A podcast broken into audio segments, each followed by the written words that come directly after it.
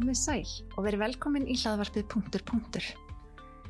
Ég heiti Elín Maria Haldurstóttir og er grafiskur hönnuður. Í þessari þáttaserju ætla ég að kynast fólki sem vinnur í svo kallum skapandi greinum, einstaklingum og teimum sem hafa gert að atvinnugrein sinni að skapa í hennum ýmsu myndum fyrir margskona miðla. Hvernig komst þetta fólk á þann stað sem það er í dag og hvernig hefur vekkferðin litið út hinga til? Hvað veitir þeim innblástur og hvernig sér það framtíðina fyrir sér? Þetta og margt fleira ætla ég að spjalla við gæsti mínu um og vona að þið hafi gaman af.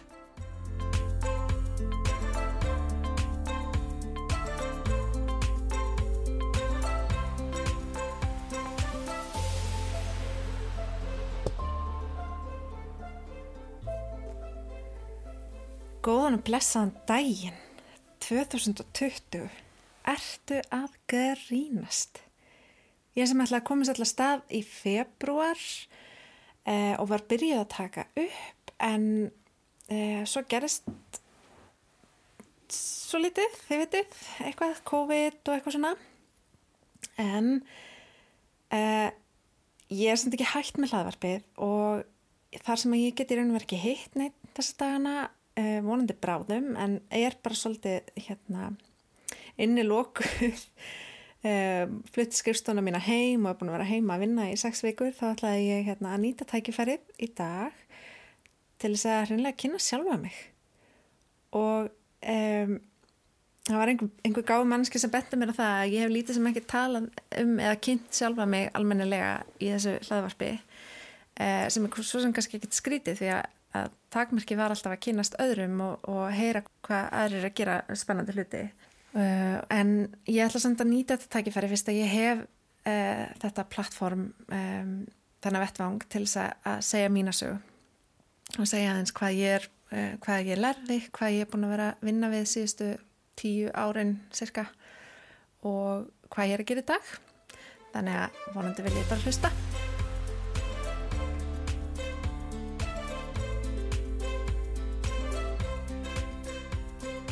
Já, maður ætti kannski að byrja á byrjuninni þá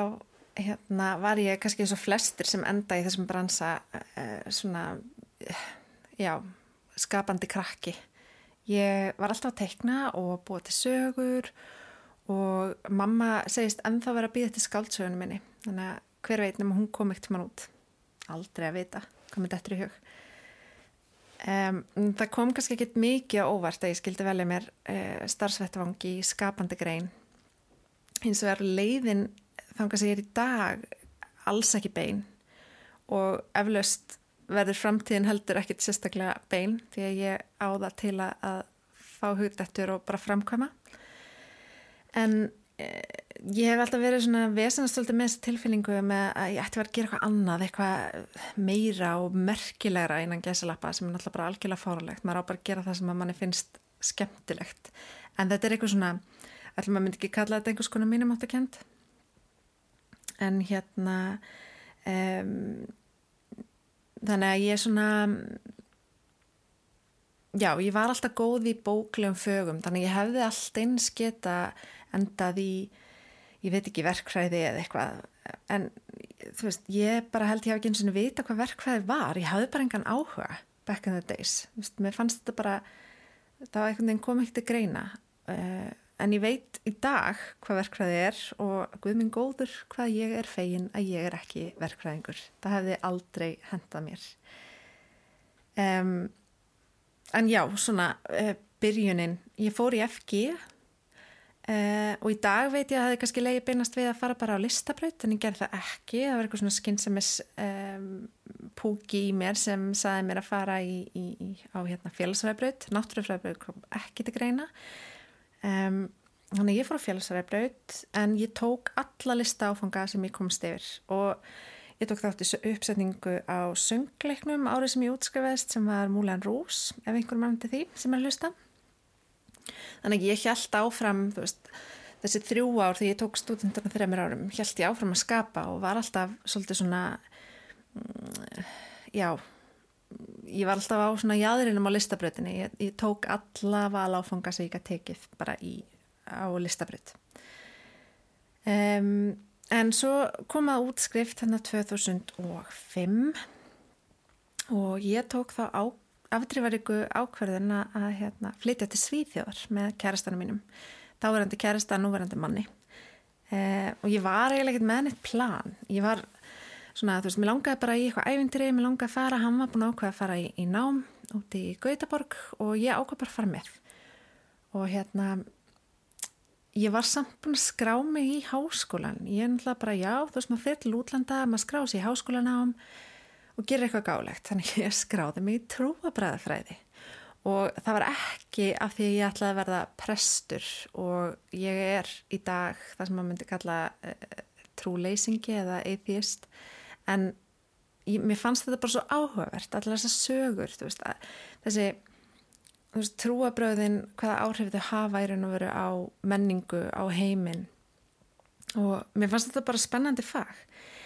en það var þess að ekkert úr því og ég ytti mjög góðan tíma í að reyna að með á því hvað ég vildi. Ég fór í undirbúningsnám fyrir verkræði í tækniháskólanum í Gautaborg og það var bara eitt gaman, þannig ég hætti því. En þá stóði ég hérna á miðri önn og þurfti að finna mér eitthvað að gera. Og fór þá í kvöldskóla í grafískri hönnun líka í Gautaborg uh, og þar var eitthvað sem small. Þar var svona já, þú veist þetta með grafíska hönnun það er alltaf blundað í mér. Ég var svona rosalega forvitin um um þetta starf. Ég hafði farið í, í starfskynningu hjá Kvítahúsinu þegar ég var í tíundabekk en hún var eh, af ymsum ástæðum alveg mjög misafnuð þannig að ég neginn, hætti við að vinna auglýsingastofu. En þetta var samt alltaf eitthvað sem blundaði í mér og ég hef alltaf haft gaman að því að fyrst í tölvum og verið svona svolítið hérna já, hrifin af þessu öllu saman. Eh, en í þessum kvöldskóla þá small eitthvað. Ég, hérna eh, þetta var sérstaklega vor þetta hefur verið vorið 2007 um, og þá byrjaði ég að sækjum í ymsum skólum í, í Svíþjóð um alla Svíþjóður ég vildi ekki fara heim aftur þannig að hérna, ég sótt um út um allt og endaði á því sérst haustið 2007 að fara í eh, grafíska hönnun og vefþróun í tækniháskólanum í Jönköping. Og Jönköping er svona svolítið sveppbær þetta er örgulega rosalega góð bær til þess að búa með börnin sín í. Þetta er svona rólegur bær og, og, og hérna við vatn við hérna stærsta vatni í Svíþjóð og, og þetta er svona rosalega krútlegt allt saman. Og ágættis háskólabær, það var rosalega gaman að vera stúdent þarna en mér lág mjög mikið á að komast í burtu þegar ég var búin. En námi var alveg mjög skemmtilegt og þó að hérna mér hafi fundist rosalega gaman að forrita þá var það samt hönnunin sem átti huguminn allan, ég fann það alveg fljótt og annað sem ég fannst rosalega gaman að gera var að, að hérna, verkefna stýra þeim verkefnum sem við vorum í. Þannig að ég átti að svolítið til að taka taka fóristina í, í öllum svona hópavinnu verkefnum og svona en, en hérna og fór svo eftir þess að þetta var tveggjara nám og ég tók svo BS Eh, bætti við með þriðja árinu til þess að útskjáðast með bachelor gráðu um, og þriðja ári snýrist er að vera bara um verkefnastjórnun og, og svona practical application af því sem að maður var búin að læra fyrstu tvö árin. Og þá unnum við með húsgagnahönnuðum, við unnum með ljósahönnuðum. Og ótrúlega skemmtilega svona þverfaglega verkefni sem við fengum í hendunar og bara geggjað en þannig að 2010 þá útskriðast ég sett, e, frá Jönsöping flytti Gautaborgar en þá er ég ólétt þannig að ég fer ekki að vinna fyrir 2011 þegar að, að hérna stelpa mín er orðin eins ás þá fæ ég vinnu hjá lítilli auðlisengastofu um, sem heitir Mediart, ég er nú ekki vissum hún sér til en þá í dag. Það var svona ímislegt breyst sem þá. En eh, ég fekk sérst vinnu þar eh, fekk tækifæri til að vinna með stórum kúnum eins og Pressbyrån og 7-Eleven það veit hún allir hvað 7-Eleven er og ef þú hefur komið til Svíþjóðar þá hefur þú líklegast farið inn í Pressbyrån og kæfti kaffi og sukulæði eða lesta miða eða eitthvað svo les þetta er svona hotn, búðin hotninu og um, ég var sérstaklega bæði í hönnun og uppsetningu veist, ég var að gera auglýsingar en ég var líka í eh, fekk sérstaklega ábyrðina að ég raun og veru verkefnastýra öllum um, svona herrferðum, það var herrferð, nýri herrferð rúlað út í hverju mánuði. Og það þurfti að prenta þetta allt og senda þetta allt í búðurnar og ég var sérst ábyrg fyrir því. Og sem var bara ótrúlega skemmtilegt, lærdómsríkt og um, ég er rosalega glöð að ég hafi fengið það tækifæri. En, og líka fengið þá að vera með í öllu hönunaferli, það var þarna artarektor sem sáum allt en svo fekk maður alltaf að þegar við vorum svo það fá að við vorum alltaf að hjálpa stað veist, og, og, og ég hoppaði inn og gerði nokkru auðlýsingar og svo fór ég að ringdi prentsmiðina og sá til þess að, að hérna, allt var réttur óli með næstu hérna, herrferð og allt þetta. Þannig að þetta var ótrúlega skemmtilegur en líka mjög sérstakur tími því að það var mikið álag um, þetta var mjög svona umgjörðin var öll svolítið öðruvísi en maður á að vennjast þetta var, stofan var á litlum herragarði. Þetta var allt rosalega fancy og fínt sko. En ég lærði margt þarna og ég lærði svolítið það hard way. Ég þurfti svolítið að, hérna e, læra það að það er enginn að fara að gefa mig neitt nema ég byggja um það og að, að hérna svolítið standa á mínu og, og og svona, en það er náttúrulega bara eitthvað sem að, maður þarf að læra og ég held að alveg sama hversu mikið fólk myndi segja mér, ég meina fólk segir alltaf já, maður verður að gera mistök til að læra af þeim og, og þú verður að, að hérna pröfa, annars veist ekki og allt þetta, það er alveg hægt að segja mann þetta endalust, en það er, neginn, veist, það er ekki fyrir maður hefur upplifað þetta sjálfur að, að gera mistökinn eða, eða missa af einhverjum tækifærum að því að maður þorði ekki eða eitthvað þá svona eh, kannski fattar maður betur og lærir af því. Og ég gerði það og er ótrúlega fegin að hafa um, ég er nú verið verið á þessari stofu í þessi fjögur ár sem ég var þar. Og hérna það var bara greiðlega skemmtilegt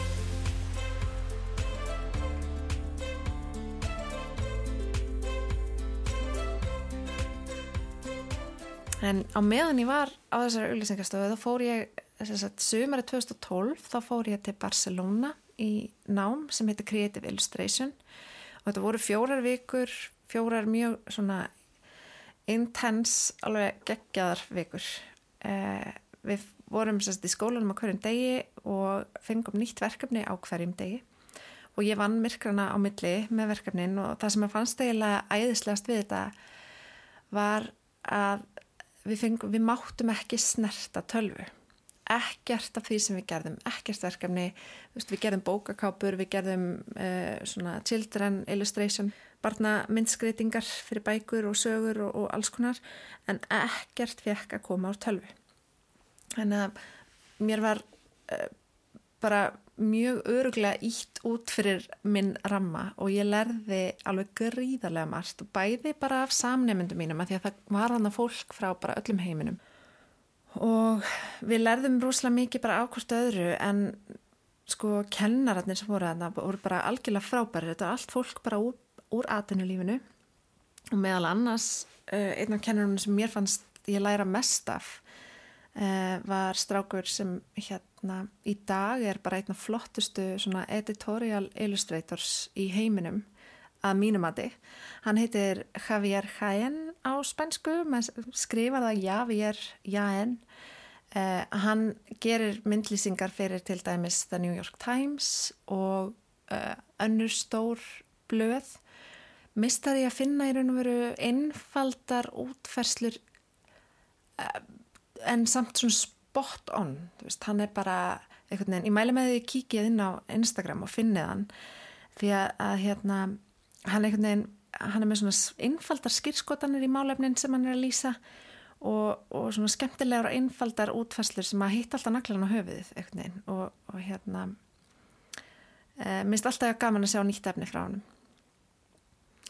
En já, þetta var sérst sumari 2012 og hérna þá var ég ennþá þarna að vinna á þessari auglýsingastöðu svo kom ég tilbaka og ég fann strax þá að ég var svona ekki alveg að fá nóg mikið af svona uh, skapandi frelsi eða skapandi verkefnum á vinnustanum mínum. En ég var samt áfram uh, þar, þar til 2014 þegar strafkurum minn fæðist. Og um, þegar ég var í fæðingarólufi þá tók ég ákvörðunum að fara ekki aftur á, þennan, á þessa auðlýsingastofu og ég neginn var á þeim stað að mér fannst bara eins og ég gæti ekki farið aftur í auðlýsingabransan um, ég veit ekki nákvæmlega hvað það var en ég ákvæmst að sagt það er aftur þessi skinnsefnisrödd að maður þarf að menta sig og um, bla bla bla sem að ég er ekki sammála í dag. Ég hefði, ef ég hef getið að tala við sjálfa mig þá, þú veist, ég í dag svona farið tilbaka og bara hei, Elín, þú veist, þá hefði bara svona stoppa með aðeins í þessum pælingum og þú veist, sagt mér að, að hérna þú veist, maður þurfa ekki alltaf að fara eitthvað mastersnám til þess að vera góður í ykkur en, en hérna ég er sérst enda á því að segja upp á auðvilsingastofinni og fara í mastersnám í einhverju sem heitir communication. Ég veit ekki nákvæmlega hvernig ég myndi útleggja þetta á íslensku. Þetta er ekki samskipta fræði þetta er ekki samskipta tækni um, en þetta snýrist rosalega mikið um bara uh, samskipti á milli mismunandi menningar heima hvernig maður setur fram upplýsingar og hvaða áhrif það getur haft. Og þetta var rosalega fræðilegt þetta var náttúrulega mastersnám. Þannig að þetta var svona já, mjög skemmtilegt gríðarlega áhugavert efni og margir af þeim sem ég var með í námi eru í dag að vinna á í einhvers konar PR hérna, störfum. En aftur var ég eitthvað svona næ, þetta er ekki alveg þetta er ekki alveg ég. Og hérna, eftir eitt ár þá var ég svona eitthvað næ, ég kannski kannski hérna þú veist jú, mér langar náttúrulega að klára þetta en ég fann samt að, að þetta var svona kannski ekki alveg að gefa mér það sem ég hefði vonast til þegar ég sóttum og fór í þetta nám. En þá sá ég auglist eftir eh, grafiskum hönniði hjá stóru alltjóðlegu fyrirtæki sem heitir Cochlear og eh, er sagt, já, reysastort fyrirtæki sem framleiðir hirtentæki og Ég, ég vissi alveg af þessu fyrirtæki, ég þekkti til aðeins maður minni hljóðverkræðingur þannig að hann uh, þekkti átti vini sem að, eða á vini sem að vinna þarna og, og hérna og ég vissi, vissi að þetta væri mjög flott fyrirtæki. Þannig að ég sæki um en sko Gautaborgin alltaf, þetta er stórt þetta er stórborg og það er mjög sjaldan alveg eins og hér, þetta er sjaldan sem er auglýst eftir grafiskum hönniði það er meira þannig að grafísku hönnuðinir sækja um einhver óauglist störf eða þekki eitthvað sem þekkir eitthvað og fá þannig vinnu. Þannig að ég gerði mér engar grillur um það að fá þetta starf. En mér fannst samt svona eins og það væri skrifað, þú veist, nafnum mitt væri skrifað á þessa auglýsingu þannig að ég sótti um. Og af ykkurum 200 manns þá var ég eina af þeim sem var bóðið í viðtal og ég bara, mér fannst ég svo heppin ég skildi ekki, þú veist, ég bara ég skildi ekki neitt, bara tala við mig, ha, þú veist. En ég mætti þarna og ég fann bara strax bæði, þú veist, fólki sem ég hitti og, og þú veist, staðurinn bara vinnu, andin og svona. Þetta hendaði mér mjög vel. Og ég var svo ótrúlega heppin að ég fekk þessa vinnu. Og vann þarna í eitt og halvt ár og lærði svo margt svo allt öðru sig en að vinna á auðlisingastofunni þetta var náttúrulega bara allt önnu vinna. Þannig var ég að vinna með eh, markasteimi sem var veist, við erum að tala um fólk við vorum með hvað 13 þjóðarni sem unnum þarna og vorum að vinna auðlisingar fyrir allan heiminn. Þannig að þú ert með markað sem að er þú ert, með, þú ert að gera efni sem á að virka bæði í bandaríkjunum og í svítjóð veist, það er mjög erfitt að búa til auglýsingu sem virkar vel í Svíþjóð og í bandaríkjum en svona til dæmis. Um, en þetta er náttúrulega eitthvað sem að hérna uh, við vorum að fóstu okkur um einasta degi. Og hlutir bara eins og, eins og húðlitur mótela þú veist í auglýsingum. Það, það þurfti að pæla mikið í því. Og uh, ég vann hann að þetta einu halva ár. Þetta var bara geggjaður tími og ég fekk að vinna sjálfstætt. Mér var trist fyrir verkefnum sem ég hafði aldrei gert eins og að, hérna, skipilegja og framkvæma e, myndatöku fyrir nýja vöru. Og var náttúrulega alltaf, veist, með yfirmann minn nálega mér og hún var alltaf, samþýtt allt sem ég gerði og allt það en ég fekk samt rosalega mikið frelsi. Og það er rosalega gott að fá þetta frelsi að því að ég fann alveg þegar ég var, veist, búin að vera þetta einhver tíma að ég var, ég tristi sjálfur mér, ég fann að ég, ég gati þetta alveg. Ég var alveg með eitthvað rött sem að mátti heyrast veist, og, og ég var alveg með hugmyndir sem að öðrum fast góðar. Og, og það er bara alveg ótrúlega mikilvægt fyrir alla held ég að fá að upplifa þetta. Og, og ég hugsa sko ef ég verði ekkert mann yfir maður þá mun ég vinna mikið með þetta að lefa fólki að blómstra í starfi. En svo einhvern veginn þráttur það að hafa verið í þessum þessari frábæri vinnu. Þá svona fór heimþráin að gera vart við sig óþægilega mikið og ég og, og, fjölskyldan mín tókum sem sagt á ákveðin að flytja heim. Og ég segi upp einfallega þeirri ástæðu sem var bara, það var ótrúlega sárt, það var mjög erfitt að hætta uh, á þessum stað. En að samaskapi það var bara komin tími. Það var rétti tímin fyrir okkur til þess að flytja heim og svona af ýmsum ástæðum þá endur við að þau flytja á Selfoss. Og er, ég er þar núna. Eh, ég flytist heim eh, þarna í ágúst 2017 lítur að hafa verið. Og þá fikk ég vinnu á auðvilsingarstofunni Concept í Reykjavík hjá Raka og Stindori og sjátt á til þeirra því að, að hérna, ég var ótrúlega glöð að þeir skildu trista mér uh, og, og bjóða mér þessa vinnu. Og uh, það var rosa gaman að vinna hjá þeim. Og ég hérna uh, einfallega höndlaði ekki kirslinu á milli. Ég held ég myndi gera það, ég var alveg mjög viss um það að 45 minna kirsla á dag væri ekkert mál. En eitt leita veru og eftir tja, já svona hitt og þetta þá endaði ég sagt, í janúar 2018 nei, janúar 2019 nú 2020, fyrir árið síðan rúmlega, þá ákvað ég að fara í að vinna sjálfstætt og bara hreinlega frílansa og núna árið síðar finn ég að hjólin eru í alvörunni farin að rúla ég, það er nóg að gera hjá mér, ég er að fá skemmtileg verkefni inn á mitt borð, ég er að gera alls konar uh, skemmtilega hluti og ég finn hvað ég er einhvern veginn að svona ástin á starfinu er svona að fara að blómstra aftur. Ég er svona um, að fá að nýta mér það sem ég kannski hef ekki nýtt mér mikið í almenn starfi og ég er ég er til dæmis að vinna með hérna að gera logo, ég er að gera heimasýður, ég er að gera ýmislegt annað kynningarefni fyrir fyrirtæki og ég hef verið svo heppin og kannski lagt líka svolítið áherslu á það að vinna með fyrirtækjum hérna á Söðurlandi Eh, það er það eru einhverju fleiri hönnur hérna á Suðurlandi sem er að vinna, það er til dæmis einn hérna hrund í í, í hveragerði. Eh, grafiskur hönnur, hún er að frílansa og svo veit ég af einhverjum nokkrum fleirum en, en hérna það vantaði inn á Selfoss eitthvað með minn bakgrunn og mína mentun finn ég núna því að ég er alveg bara ótrúlega glöð að hafa tekið þetta skref. Um og ég er sagt, að vinna undir merkjum komastryk núna og um, er að gera þetta hlaðvarp. Ég er að fara að gera ímislegt uh, núna í ár. Það er svona ímislegt í pípunum eins og maður segir en um, eitt af því sem ég er mest spennt fyrir sem er eitthvað sem ég átti kannski ekki dvona að ég myndi nokkur til að gera er að í sumar þá er ég að fara að halda námskeið í teikningu, sumarnámskeið fyrir börn 8-12 eh, ára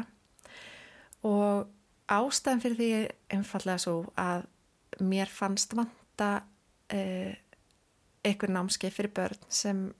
vilja gera skapandi hluti. Selfos er íþróttabær, sterk handbólta og fókbólta menning hérna, það er alls konar hérna svona eh, bardagi íþróttir kendar hérna, það er sundið og það er bara flesti krakkar eru í íþróttum og úrvalið mikið. En einhver veit að vegna situr hitt svolítið á hakanum þá. Og ég er sérst að fara að hafa, halda þetta námskeið með eh, Erlu Eithorsdóttur sem er textilhönnur og uh, ég er ótrúlega spennt fyrir þessu námskeið. Ég hlaka mjög mikið til. Ég held að þetta sé eitthvað sem að ég ætla að, einmitt eins og allt annað, kenna mér alveg greiðlega mikið. Ég hef aldrei unnið með börnum á þennan hátt. Ég ánáttúrulega mín börn og hitti vinið þeirra og ég á, þú veist, það eru börn í, í, í kringum mig, en ég hef aldrei kent, þú veist, þannig að þetta er svona uh, ánefa svolítið áskorun. En ég hlaka svolítið til að hérna uh, bara sjá hvað þessi krakkar hafa fram að færa því ég veit alveg að þau eru veist, krakkar eru svo ótrúlega skapandi og þau eru svo útsjónusum það er svo gaman að fylgjast með þeim finna leiðir og það er svolítið það sem að, að hérna, við viljum gera í þessu námskeið. Það er að, að hérna, leifa krökkunum bara svolítið að finna sína leið til þess að tjá sig og kynna þeim fyrir um, verkfærum og tólum sem þau svo geta notað þannig að já, það er svolítið það sem ég er að gera þessa dagana. Og ef að þið viljið fylgjast með mér þá finnið þið mig inn á Instagram á uh, undir þess að koma stryk um, ég er líka á Facebook, ég er endar alls ekki virk þar en það er hægt að finna koma stryk þar. Ég er já, punktu punktur er líka með Facebook síðu, það er hægt að fylgjast með mér þar líka, eða þessum þáttum svo framöndan í þessu hlaðvarpi er hitt og þetta. Ég er með nokkra aðila sem ég langar að tala við og mun tala við og eh, vonandi bara geti sett upp Skype búnað til þess að taka viðtöl. Þannig að endilega finna mig á samfélagsmeilum og fylgja mér